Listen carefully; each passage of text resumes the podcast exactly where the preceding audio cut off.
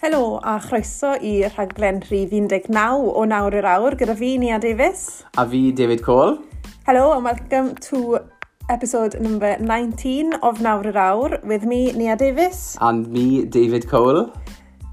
Heddi, i ni mynd i glywed wrth cyfarwyddo'r ras Ironman Cymru a Ironman 70.3 Abertawe Today we're going to hear from the race director of Ironman Wales and Swansea 70.3. Ond cyn i ni wneud na, mae David a fi newydd dod nôl o'n racu cyntaf eriod o'r beic Abertawe, yr hanner Ironman yn Abertawe. Before we hear from her, David and I have just got back from our first ever racu of the 70.3 route. So we're going to give our first impressions. We're still in our kit. I told David, let's not speak about it at all until we're on the podcast. So we're going to speak about it in Welsh first. So keep on listening because we'll be giving our first impressions in English after we've done the Welsh version. David, ni newydd yn ôl yn yr ystafell sydd gyda, gyda ni yn Reynoldston. Mae'r ddoi o ni newydd fod mas am, o, oh, beth, tair awr? Dwy awr hanner, ie, yeah, 2.35. Mas ar y beic yn neud regi o'r beic Abertawe 70.3. Nawr mae hwn wedi newid yn ddiweddar a ni wedi gwneud y rwt newydd, sef un, rŵp, un lŵp yw e. Oedd arfer fod yn doi lŵp, ond maen nhw wedi newid e yn awr i fod yn un lŵp. Ni heb fod i Abertawe hunan, ni jyst wedi gwneud y prif lŵp. Bydd pobl yn gwybod beth ni'n feddwl. 40 odd milltir. Yep. Siarathu dy ti? Nes i joio ge. Ond then, um, eitha anodd. Ni'n teimlo fel, oedd ddim un um, pwl cas i gael. Oedd lot o cleimo. Mm. Um, cwrs sy'n mynd i siwto ti a fi, mm. fi'n teimlo fel. Achos mae fe'n, be fyddwn ni'n o pure bike course. Fel, i'r seiclwyr de. Mae fe'n um, lot o hewlydd gefen, Um, lot o lan a lawr, rolling, la, ups and downs, lot o awyr agored le mae'r gwynt mynd i fod yn ffactor mawr. Mm -hmm. Ond ar y cyfan, cwrs da, a fi'n reili edrych mlaen i'r diwrnod. Fi'n cytuno dy ti. Nes i joio'r cwrs ma mas draw oedd e'n just yn lyflu. Fel wedys di, oedd e'n un pwl cas, oedd e'n un fel Wiseman's Bridge Na. neu St Bride, ond wedd cwpl o pwls. Wedd. cwpl o lan y lawr, o'n i yn bottom gear fi, cwpl o weithiau. Yep. Yr pwl mwyaf gas, dwi'n credu, nawr, mae hwn bydde fe ar dechrau'r cwrs, ond achos ble dechreuo ni, wedd ar diwedd cwrs yeah. ni heddi, so falle bod fi wedi ffeindio fe mwy anodd achos oedd ar y diwedd, mm. ond ni'n credu hwn oedd y rhyw hira Ar... oedd yn dod lan o y siop Shepherds yeah. yn Park Mill, dwi'n credu oedd enw'r pentre. Ie, yeah, so ti a 15 milltir mewn... Ie. Yeah. 12, 12-15 milltir mewn i'r cwrs bydde fe wedi bod wedyn. Dechreuo ni heddi, achos le ni'n aros lan ma, ar milltir tua 17 o'r rŵt. Do, a dylen ni weid, ni heb seiclo o Abertawe i'r lŵp, so falle bod mwy o pwls cas ar y section na Sa'n gwybod, so, ond o ran y lŵp fawr hunan... A, a reswm ni heb wneud na, achos traffic yeah. yn bennaf o le ni'n aros. So, so ni wedi wneud y, y lŵp i hun, ond ni heb mynd mewn y mas ab y tyweb. A fe'n eitha, allwch chi weld e ar y, ar y, ar y, ar y map a byddwch chi'n gwybod beth ni'n siarad yn byty. Ond oedd rhai pwle eraill eitha cas, ond oedd ddim yn serth iawn, ond fi'n credu reswm o'n nhw'n gas oedd achos bod o'n nhw ar hewlydd gefen, o'n nhw'n eitha gil, a o'n nhw'n fwtlid hefyd, a wrach i fod yn ofalus, achos obviously mae rhewlydd ar agor heddi, o'n i'n fod yn ofalus jyst yn cys bod rhywbeth yn dod ffordd arall, achos oedd rhewlydd gefen, a oedd lot o, oedd y gyd ar rewlydd gefen, mwyn na lai, mm. a oedd yr ai rewlydd yn gefen gefen. Wen. yeah.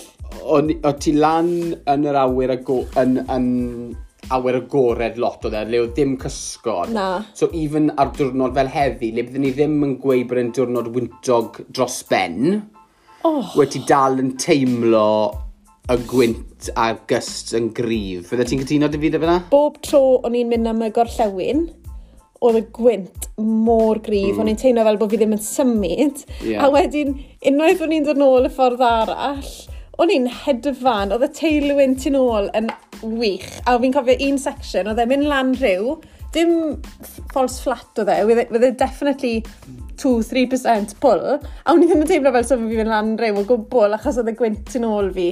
Golygfeidd arbennig o'r arfordir hefyd, o, David. O, golygfeidd yn arbennig. Nôl i'r gwynt na, na pam o'n i'n dywedd fyna. Jyst yn o'n i'n moyn checo beth oedd y mm. gwynt fel, a mae wedi rhoi 19 milltir yr awr. Yeah. A fresh breeze from the west, north-west.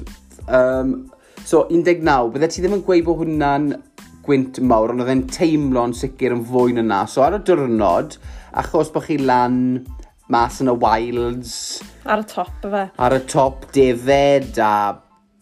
Mm. Bydd bob man yn, yn mynd rownd o gawer, mae'r gwynt mynd i fod yn, yn, yn ffactor mawr ar y dydd. O'n i bai bod ddim gwynt o gwbl, yeah. Bydd e'n ffactor. Peth arall i cario llygad yno yw fi wedi colli cant o'r mant o cattle grids oedd ar y cwrs heddi. Yeah. Nifer fawr, fawr, fawr. So os mae'n dwrnod lib, wel, unrhyw dwrnod, really, mae'n chi fod yn ofalu, so o'r cattle grids, achos oedd loads yno, colles i cant ffaint yno hefyd, falle braidd i cadw llygad mas yma i feiliad ar y cwrs. Mae hwnna'n mynd i fod, o, oh, definitely. Defed uh, mi o bobad. A cyffyle. A cyffyle. Ond ar y cyfan, mae fe'n cwrs... Dwi e ddim mynd i fod yn cwrs i pobl sy'n meddwl dod lawr a maen meddwl bod yn lle bod y TT position a milltirodd a cael good drafting wrth, wrth pobl. Dwi e ddim yn cwrs o lawr bran. Mae'n cwrs onest. Mm. Fi jyst wedi checo lan fan hyn. 3,000 cant o filltirodd dros 42 milltir. 3,000 cant. 3,000 a cant. O, oh, sori. Yeah. 3,100 i ti. O uh, feet o trodfeiddo elevation. O, oh, so dim not too bad. Dros 43 milltir, sy'n... Wyt Cwestiwn i ti, fi mo beth ti'n mynd i gweud, ond road neu TT bike, bydd lot o bobl yn gofyn hwnna. I fi TT bike, achos dwi'n gyffyrddus yn cleimo ar, ar y TT bike. Byddwn ni'n gweud bod e'n cwrs elevation tebyg i, os bydde ti'n han, aneri tembu digon agos ar, ar, ar ddadl rhywun beth? Dwi ddim bu a TT bike, dwi dim ond yn bu a road bike, ond os bydde TT bike da fi, byddwn ni'n iwsio fe am y cwrs ma, achos mae lot o rewlydd syth flat gyda chi. Mae mm. lot o rewlydd gefen, ond as long as bod chi gallu gwneud, chymod, decent climb, yeah. oedd ddim un climb really serth na. Na. Um, a'r section, o'n i'n dod o Old Walls nôl am yr, am yr um, uh, air, airport. Mm. Ti'n meddwl mm. pwy section dwi'n siarad efo ti? O'n i'n teilwyn tu ôl fi, oedd e downhill. Hedfan. Oh, o'n i'n redeg mas o gears, a o'n i fel, mae eisiau ti... Sam yn gwybod y top speed ti'n ddod lawr yna. O'n i fel, mae eisiau ti ti bike yna. Ie, oedd e'n... Um, Oedd e'n lyflu. Oedd e'n... Dwr, nes i joio fe fwy na beth ni'n meddwl, dim yn agos i bod mor technical a bolton. O'n i'n disgwyl bod hwnna'n lot yn oddach i gweud y gwir ti. A fi. Ond, um, ie, yeah, drach mlaen i'r drwnon nawr i ti. Oce. Okay. We'll do that again in English, shall we? David? What did you think? I really enjoyed it. Yeah. Um, it was difficult, but maybe not as difficult as I was thinking it was going to be. Um, the wind is going to play a big factor because you're in. It's it's very open in spaces, and even though today wasn't a windy, particularly windy day, I did feel that it it's going to play a big factor um, it, during, during, the, during the event. Um, we didn't ride the whole course today because of where we're staying. Uh, we're staying in Reynoldston and we begun on about mile 17 of the actual route and we didn't the only part we didn't do was the part that Between... Start and finish then. Mm. Bishopston to Swansea and back, basically. And if you look at the map, you'll, you'll know. And the reason why we didn't do that was the, the traffic around Mumbles and going towards uh, the town itself. Um, I really enjoyed it. Um, it was great just to be on new roads and I'm really excited for the, the actual event now is going to be a brilliant spectacle. What about you, Nis? What you were saying there now about um, it being really open, I've just checked the forecast for today. 20 mile an hour winds, 30 mile an hour oh, gusts. okay. So not a particularly windy day though, just normal I would say. And it felt like there was an extreme headwind mm. in places heading towards the west, mm. westerly direction. Um, but I loved the course. I have to say I absolutely loved it. The back roads were technical in places, but I would say there was only one hairy bit. I didn't actually mention this in the Welsh, Welsh section. Mm. There was a descent. I think you'd be around 20 to 22 I know miles. Exactly, I know exactly what you're talking about. Yeah. You're coming downhill. You're coming downhill to a T junction, and there's a right-hand turn at the bottom of that junction, and it's a quite a sharp bend. That's the only place where I thought it was a bit hairy. There was a few back roads that were hairy today because the roads were open, but on the day, they'd be completely fine. Yeah, def I agree. That, that, that part was the only hairy part um, of the course. There was one really quick section today where we had a brilliant tailwind and it was wasn't a nasty downhill. You could see miles in front of you. Between old walls? Yeah, Um, and yeah, you could probably pick up 40, 50 mile an hour there coming downhill. At that point. Quite, quite comfortably. I don't own a TT bike, but at that point, I was thinking to myself, I'd run out of gears. I was trying to make myself as small as possible, and I was thinking to myself, I need a TT bike. Or a good bike fit. yes, I'm going to go and see Craig Burrows for a good bike fit. but um, other than that, I think we rode about 42 miles today mm -hmm. and 3,100 feet of elevation. I held 14.1 mile an hour and I think you were just below 17 mile an yeah. hour. Not bad for the first first time on the road, trying to follow the Garmin edge, not really knowing where the we edge. were going. We were off course a few times, yeah. me more than you. Yeah, but it was okay. Things to look out for, cattle grids. I lost count of how many cattle grids we went over today. Animals? Sheep. Horses. horses Um, a few dodgy, narrow back roads if you're wrecking it with the roads open, be careful. I would recommend that you have a recce of the course beforehand. 100%. It will help you so much because um, one thing I noticed today is I was constantly in and out of the small and big ring because there was so many up and down. Yeah. Nothing steep. There was no Wiseman's Bridge. There was no, you know, St. Bride's Hill kind of up. But you did have a lot of short and sharp Places where you could gather momentum if you knew the route. Yes, and sometimes I was thinking, gosh, I didn't need to go down to the small ring yeah. there. Yeah. So you definitely benefit from wrecking it beforehand. Yeah. I would say there was one long climb, which was from where the Shepherd's shop is. I think it's mm -hmm. called mm-hmm. Shepherd's. Mm. Um, I think it's Park Mill it's called. I'm not familiar with the area. That was the longest climb, and that would mm. be quite close to the start yeah. on the day. Yeah. But yeah, I loved it and um, roll on August, and I can't wait to bring the team up. Yes. And uh, recce the route with them. I think the sooner you get down here to Recce, the better, because the busy, it's only going to get busier now with tourists, etc. So, uh, really, really enjoyed it. So, nawr bod ni wedi mynd dros y cwrs, ni'n edrych mlaen nawr i chi wrando ar ein sgwrs ni gyda um, cyfarwyddwr Ironman Cymru a Ironman 70.3 Abertawe. Now that we've uh, had a chance to chat about the bike course, let's hear from the Ironman race director.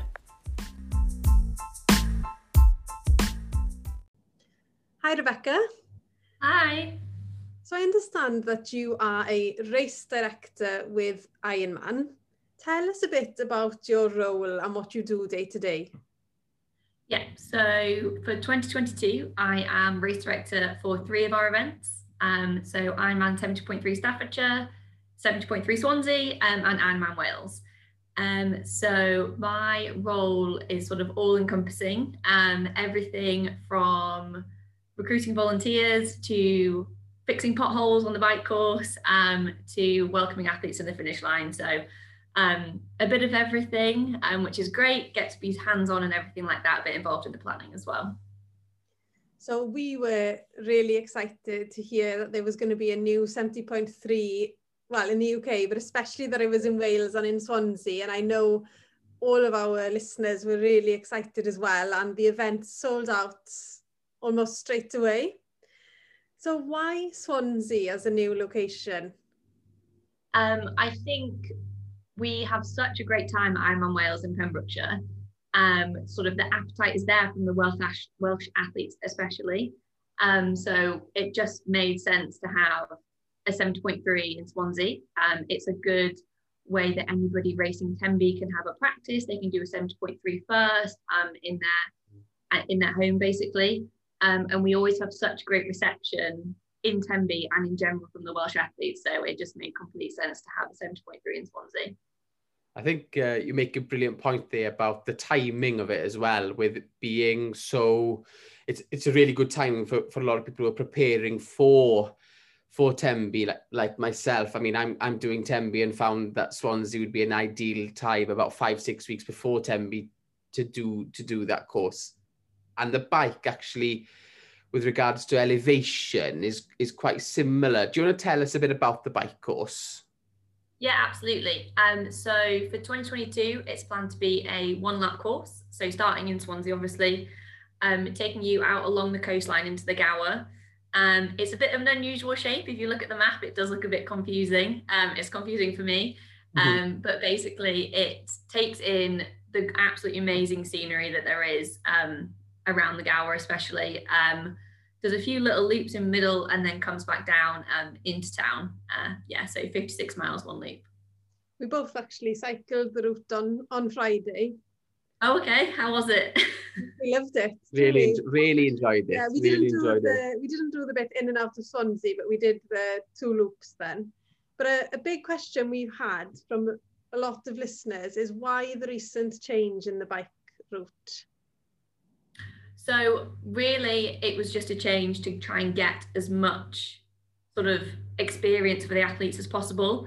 A lot of athletes are sort of from Wales or from Swansea themselves, but for I'm going to say the international athletes we have who aren't coming from Wales, they might be coming from somewhere in England. Mm-hmm. Um, we wanted to showcase what there is, and the the two lap course we had, it was great. It's a lot of it is still similar to what it is now and what the change was but we just wanted to get a bit more for everybody. So there's a bit more of an experience and they can just see what's out there what see what they're cycling. Okay brilliant. You know another question we've had from a couple of listeners is you mentioned that it's a bit confusing and it was a bit confusing for me. I think less for nia but more for me with a lot of there's like a, a bigger loop and then a smaller loop. And sometimes there's sections in the course where you'll be kind of doing twice and possibly have to cross over.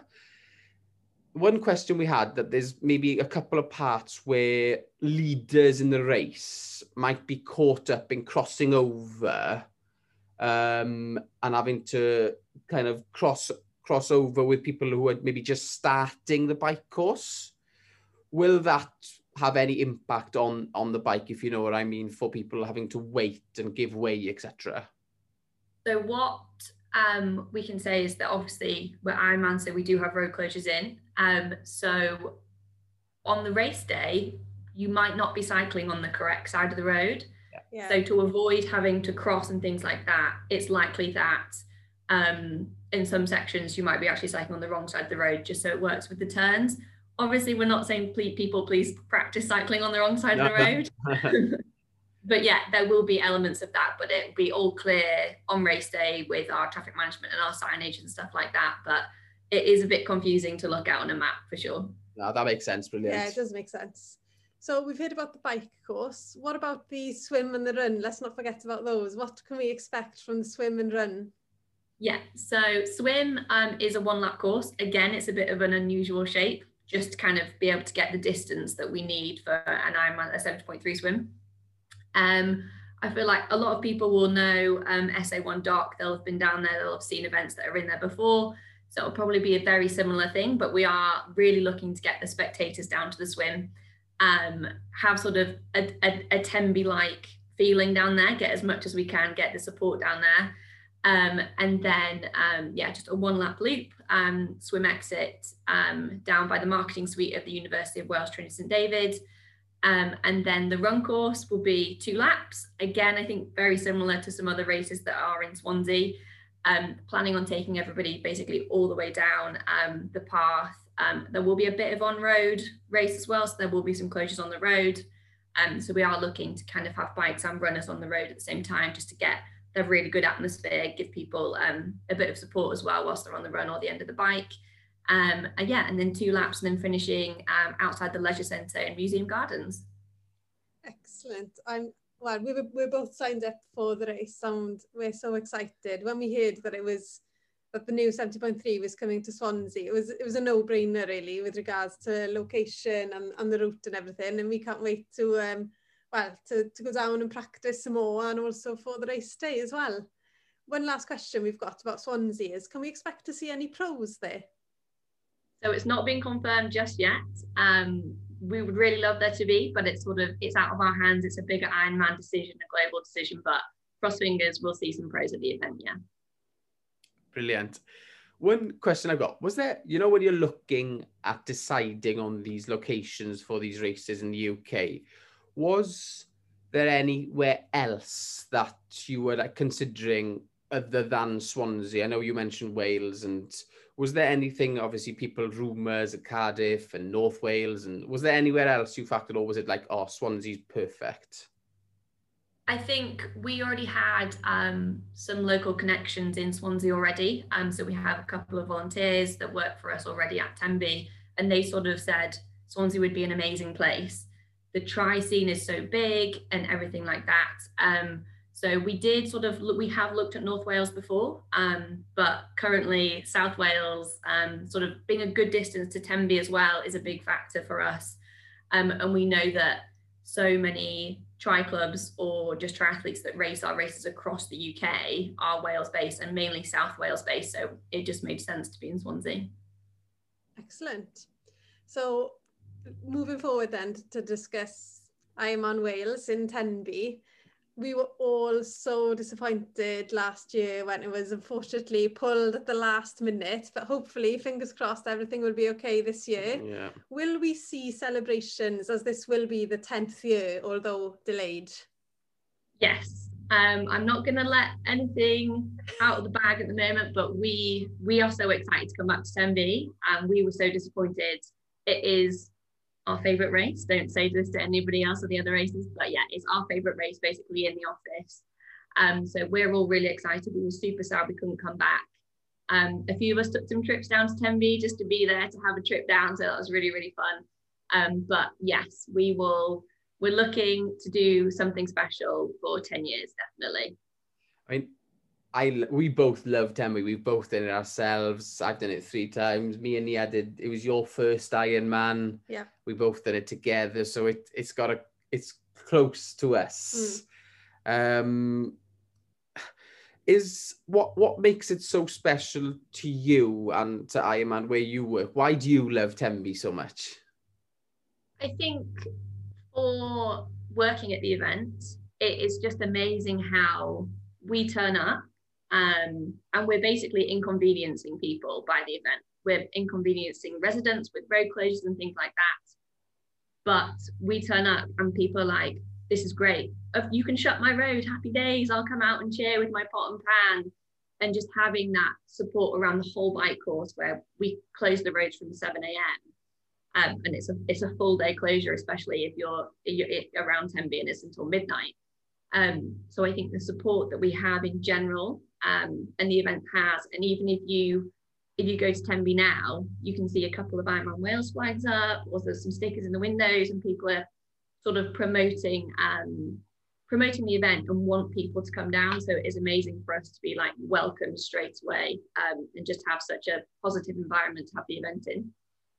And that's definitely true about Tenby, that the town have completely embraced it. And another place that springs to mind where we've both competed as well is Youghal in Ireland. That was another town that had completely embraced the event and was so welcoming. Are we going to see the same thing in Swansea? Because Swansea is a bigger city, there's more going on there. Do you think we'll have the same vibe there? It's something we definitely want. Um, maybe we'll see how the first year goes, definitely, when people sort of get to get to grips with the road closures and things like that. But it is definitely something we want to reciprocate in Swansea.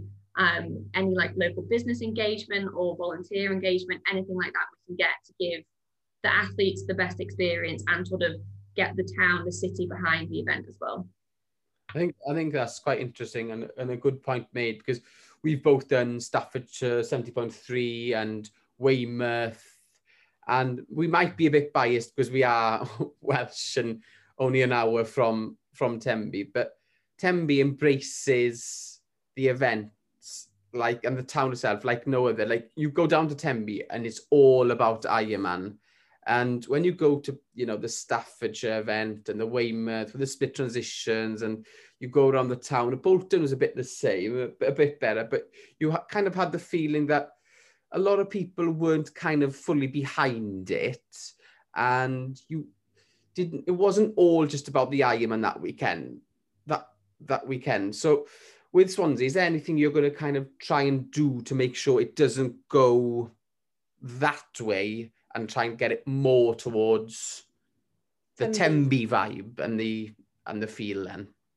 Yeah, so I think sort of two things we're really looking at is volunteer engagement because we know that volunteers, yes, they might be in triathlon, they might be tri clubs and things like that, but there's run clubs, there's um, women's institutes, there's everything. So try and sort of cast our net as wide as possible to kind of educate people on what the event is and what it can bring and the benefits for them, not necessarily just for the athletes um, as well. And then again, as I kind of mentioned, business engagement, because ultimately, again, we're technically inconveniencing people potentially with the road closures, not let not um, not allowing people to get sort of maybe to their business as easy as possible as it would normally be.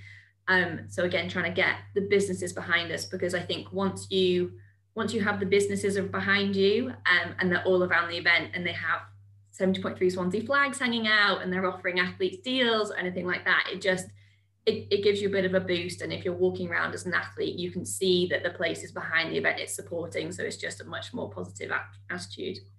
So if there's anybody out there listening who is not taking part and thinking that they might like to volunteer, how do they go about doing that and what benefits do they get from volunteering? Yeah, perfect. So um, the best thing to do is head to our Ironman 70.3 Swansea website.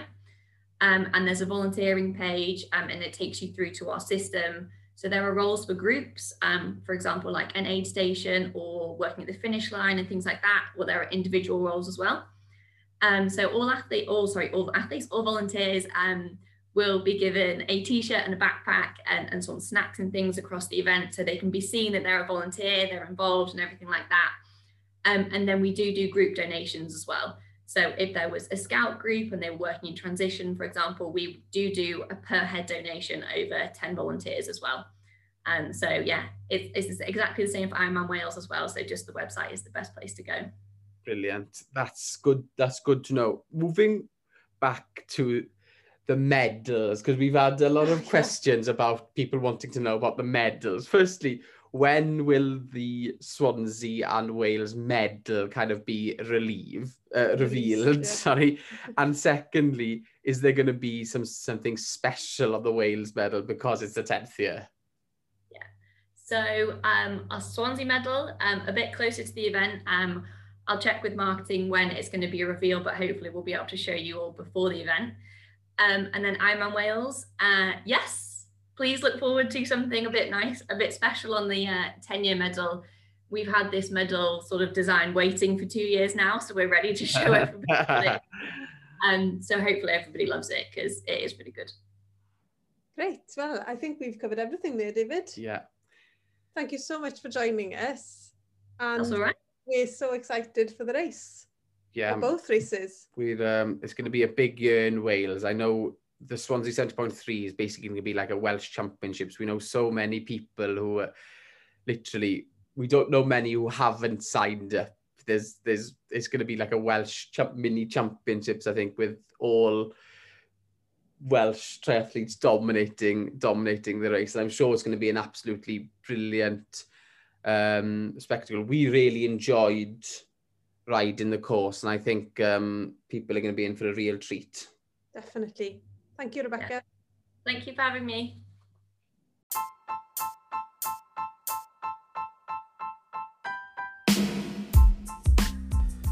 Thank you very much, Rebecca, for your for your time in um, speaking with both me and Nia um, about the Swansea 70.3 Ironman and also about uh, Ironman Wales Tembu, we had loads of information from you there, and we are both really excited now uh, to race and to, to yeah, to get, to get involved. Ie, yeah, diolch yn fawr Rebecca am dy uh, amser. Fi'n siŵr fyddwch chi gyd yn cytuno bod hi wedi rhoi lot o gwybodaeth diddorol iawn i ni a dwi'n siŵr bod chi nawr yn teimlo'r un mor gyffroes yma David a finne ar ôl bod yn siarad gyda hi. It sounds like the preparation for the Swansea 70.3 is well underway and we can expect an excellent race there. But I'm especially excited to see what they've got planned for the Ironman Wales 10th year. I can't wait to see the medal. Yes. I can't wait. Well, you've got to, to earn see, it first. To have, oh, Tembi is going to be an absolutely crazy fingers crossed for a pro race. She said it's not out of question. No, but it's not in their hands. It's in the in the wider Ironman hands. But they're obviously pushing for it. Excellent. Diolch yn fawr iawn i chi gyd am rando. Thank you everyone for listening. A os, os na unrhyw gwestiynau, if you do have any questions about Sondi Centre Point 3 or I'm on Wales, then please do get in touch with us. And if you're not racing, then why not get you and your club involved in volunteering? Os na ydych chi'n raso, pam ddim dod yn involved a fod yn rhan o'r ras trwy helpu ni yr athletwyr mas ar y dydd. Ewch i'r gwefan am fwy o gwybodaeth. Thank you. Diolch, Diolch.